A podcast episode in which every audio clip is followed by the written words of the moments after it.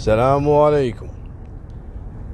تعرفون المثل اللي يقول لك سالفة جر سالفة. على طاري سالفة إنه أخذ سعود شنار المطيري اللي تكلمنا عنه في فيديو سابق. اسمع السالفة اللي هذه أعقد وأغرب من الفيديو السابق. شو القصة؟ بكلمكم عن شخصية راح تستغربون. تعرفون الأفلام الأجنبية دائما يحطون شخصية القرصان ان عينة مربوطة واحدة من عيونه يعني ما يشوف فيها مربوطة وإيده تكون آه، فيها يعني فيها عاهة كذي يعني ما يقدر يمد إيده عدل ويحطوا لك دائما آه، يعرج و... ورابط راسه بعصبة كذي براسه صح؟ توقعوا هالشخصيات هذا اللي دائما يأخذونها بالأفلام الأجنبية من وين مستوحاة؟ مستوحاة من شخصية حقيقية في التاريخ هذا شخصية كويتية قرصان كويتي مشهور جدا على مستوى العالم أيامها. ولد في الكويت في سنة 1760 ينقال رحمة بن جابر الجلاهمة جلهمي من العتوب. طبعا قصة الجلاهمة مشهورة تعرفون حتى كتب الاجتماعيات ذاكرتهم ل... أنهم طلعوا من نجد وراحوا على البحرين وبعدين من البحرين صار خلاف مع الأسرة الثانية وراحوا على الأهواز من الأهواز راحوا على العراق ومن العراق جو على الكويت. طبعا هذا أبو رحمة اللي هو جابر الجلاهمه استقر في الكويت ولد في الكويت رحمة. ماشي؟ طبعا أيام الدولة السعودية الأولى ادعموا آه، رحمة. فعطوه قصر في الدمام وخلوه يسيطر على الحدود البحرية اللي ذاك الصوب. وهني بدا عاد قوته. رحمة عنده مشكلة. عنده مشكلة مع الأسر العتوب اللي هم من جماعته على أساس الحكم والحكم القديم. فدائما يحط في باله إن أبوه لما توفى توفى في إحدى المعارك فيبي يأخذ ثار أبوه. دائما هذا الهاجس في بال رحمة. المهم مالكم بالطويلة والقصة هذه مشهورة موجودة في كتب المدارس بعد. لكن قصة رحمة هذا بدأ حياته طبعا إنسان ملتزم و يعني معنى الكلمة انه رجل دين لكن بدأ يمارس القرصنة البحرية علشان يأخذ ثارة. ما يخلي دولة لها سفن أو لنجات خليجية طبعا في البحر إلا يستولي عليها يا يستولي على اللنج أو يغرقه. واحدة من الثنتين. الجلاهمة هذا طلعوا معاه أكثر من 400 عائلة من جماعته. وكل عائلة فيها قول أربع أنفار خمس أنفار احسب عاد عليك الحسبة. وكل عائلة عندها لنجين ثلاثة. كان عنده أسطول وهو يقودهم. وكان عنده أسطول وقصره بالدمام. مالكم بالطويلة. أنا ما بكلمكم عن وضع في الخليج. الخليج هو دمر العالم. خلاص الناس صارت ما تطلع في البحر إلا ياخذون أمر من الجلاهمة اللي هو ارحمه. يعني كان مسوي رعب ومسيطر على البحر كله بحر الخليج كله. مو بحر الخليج حتى السفن الإيرانية كانت تطلع ياخذها. السفن اللي من صوب عمان يعني ما مو مخلي أحد يطب البحر. شوي شوي تطورت الأمور معاه. لكن كان رجل معارض معارض الحكومات. مع حكومة ما يمشي. اطلعوا له عاد شنو؟ البريطانيين على السيطرة البريطانية والشركة الهندية البحرية هذه المعروفة. شركة هندية لكن آه، تحت السيطرة البريطانية. قالوا يبا منو هذا رحمة؟ مو مخليهم يشتغلون مو مخليهم يطلعون في البحر. قالوا يبا ماكو إلا نجيب له منو؟ واحد ينقال غولاب كان من أكبر يعني النواخذة أو قائدي السفن آه، ممثل عن الشركة الهندية الشرقية. لكن كان معروف انه فاسد ورجل يعني بس يقتل في الناس ويسلبهم بس. هذا غلاب. أما الثاني اللي جابوه كذلك ينقال له بروس. بروس هذا مقيم بريطاني لكن كان آه، يعني مسيطر على مدينة أبو شهر اللي الحين تبع إيران وكان عنده قاعدة هناك. وكذلك بروس هذا عنده نائب له اسمه ماثيوس. سوى بروس قال حق آه، ماثيوس أبيك تروح شنو؟ تروح حق الدول الخليجية يعني علشان تفرض سيطرتك عليهم. وبطريقك إذا مريت عليهم أبي شنو هذول القراصنة ما القراصنة في البحر هذول أبيك تقضي عليهم بالطريق وتوصلهم تعرفون الحكم البريطاني اللي جاء على الخليج وكذا. المهم آه ماثيوس سوى نفسه أبشر وحاضر رفع عليك. وهو جاي. طالع من آه أبو شهر رايح صوب عمان أول شيء. ويطلع له منه ارحمه.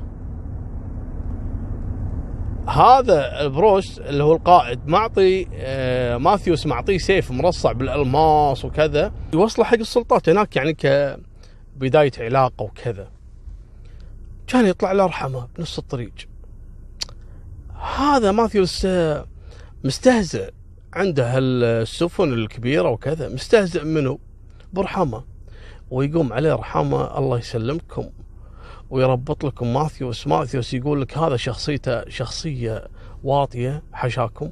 وكان شنو دائما يكره العرب ودائما يسوي نفسه إنه شنو إنه ذرب وماسك كلينكس يعني أنا أم كلثوم. عرفت النظام شنو؟ إنه دائما يخاف من القذارة وكل ما يشوف لا يعني يكره الفقارة ويكره فنظامه شنو؟ إنه حيل متعالي يعني. يوم شاف رحمة ولا رحمة رجل شكل لحية. ورحمة ترى عمره بالسبعينات مو صغير. لحية وعليه ثوب يقول لك ثوبه يابس يابس. الثوب يابس من الماي الملح وكذا ما يبدله. يابس تضرب فيه الشمس والماي المالح. ف وشكله فغير وشكله وضعيف. ولا رحمة شنو؟ عينه واحدة من عيونه آه ما يشوف فيها رابطها ربطه ولحية طويلة وإيده اليسرى كانت مكسورة. فلما جبروها له جبروها له غلط. من يعالجه أيامها. هذا من المعارك طبعا الإصابات هذه اللي حاشته بعينه وإيده ويعرج. فاستهزأ فيه ماثيوس ويقوم عليه رحمه. رحمه صنديد. ما يخاف يدور الموت. وطلع على ماثيوس هذا اللي مسوي نفسه درب ويمسك لك ماثيوس.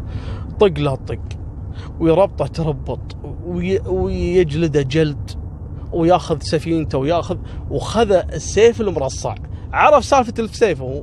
عرف إن هذا سيف يعني ماخذينه عشان والله شنو؟ انك عاد قال لهم يبا شلون؟ أنا بهزئه هذا. دزه بطراد صغير حق ربعه وخذ منه السيف وخذ منه ورد يقول لك حتى ما خلى عليه ملابس رده شي مفسخ.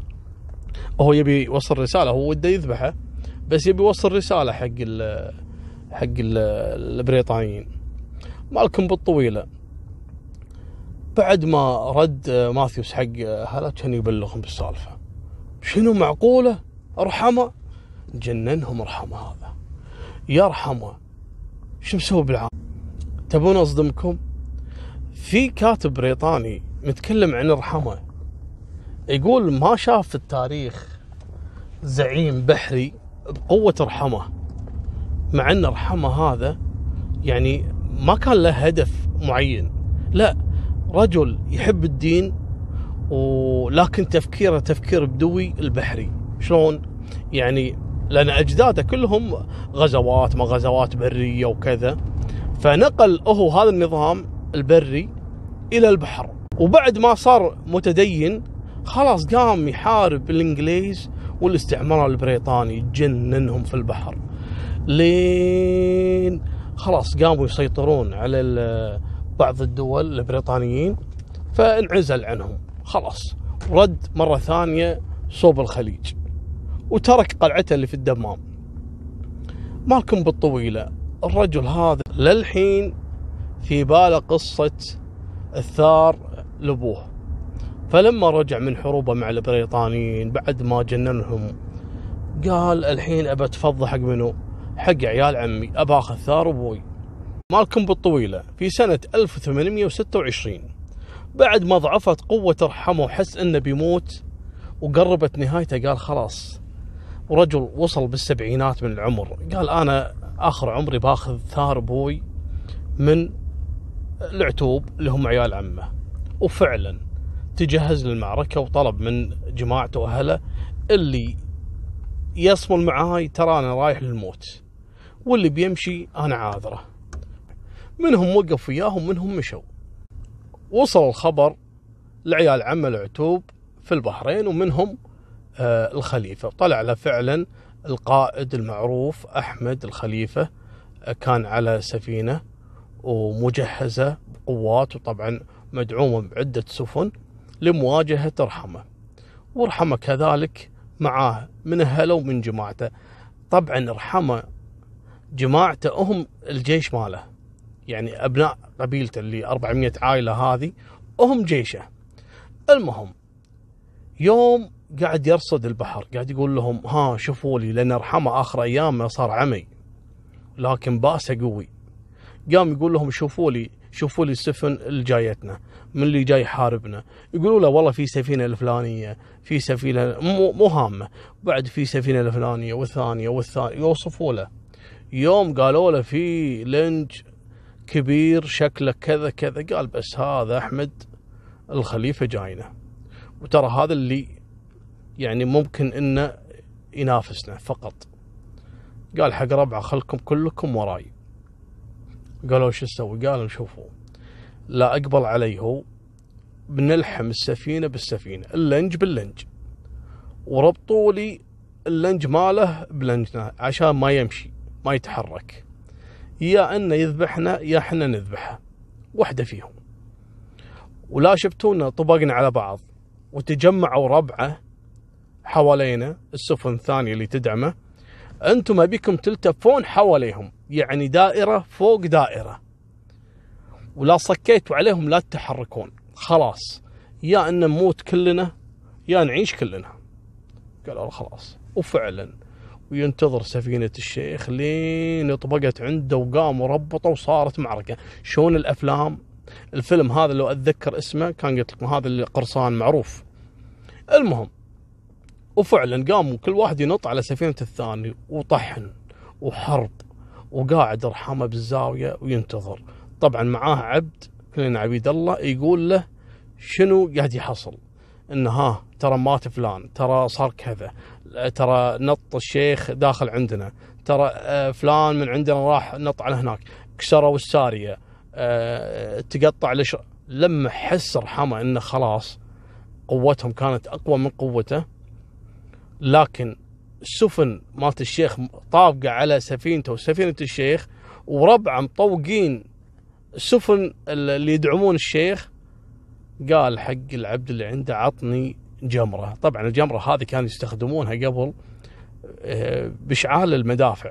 مدفعهم شلون اللي يحطون كرة ويحط فيه بارود بعدين يشعله؟ هذا كانوا يحطون عندهم نفس المشعل عطني إياها. أول ما أخذاه وهو عمي. ويروح يمد إيده لين فتح المخزن. طبعا سفينة آه، ارحمه لنجة هذا العود. هو اللنج اللي كان معتمد من الأسلحة. كان مليان بالبارود والحديد. يذكر إنه قبل لا يعني يترس بارود كان يقط فيه قطع حديد ويحط فوقها البارود وبعدين قطع حديد. نفس الكور والحصى وكذا. ويحط فوقها بارود. يعني طبقات حديد بارود حصى بارود. إيش كانت فكرته؟ إيش كان ناوي هو أصلا؟ أول ما حس إن اللي كانوا يحاربونه خلاص سيطروا على سفينته على طول أخذ الجمرة ورماها داخل المخزن. يقول لك الانفجار اللي حصل دمر سفينة رحمة وسفينة اللي كانت مطبقة معاه العدو ماله عدوه هو. وكذلك اللي كانوا يدعمونه وكذلك عيال عم اللي كانوا مطوقين السفن كلها كانت مجزرة بمعنى الكلمة لكنها جزرة بحرية. الجثث تقطعت على مدى البصر.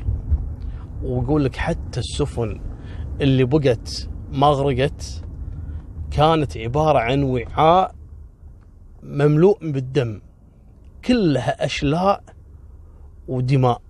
يعني ما خلى أحد عايش. لكن في ناس نجت منها الشيخ ومنها لأن تعرف أول ما يحس بالخطر إنه يرمي نفسه اللي يغوص اللي كذا.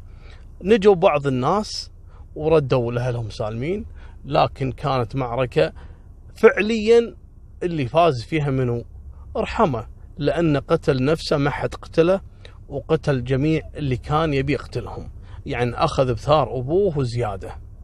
هذه نهاية القرصان الكويتي رحمه جابر الجلاهمة الله يرحمه ويغفر له إن شاء الله. وسامحوني اليوم أنا أدري طولت والبث تعبني صراحة وحتى أنا أول مرة أطلع بث فسامحوني إن شاء الله أعوضها لكم مرات الجاية. هذه نهاية سالفتنا اليوم. فمان الله مع السلامة.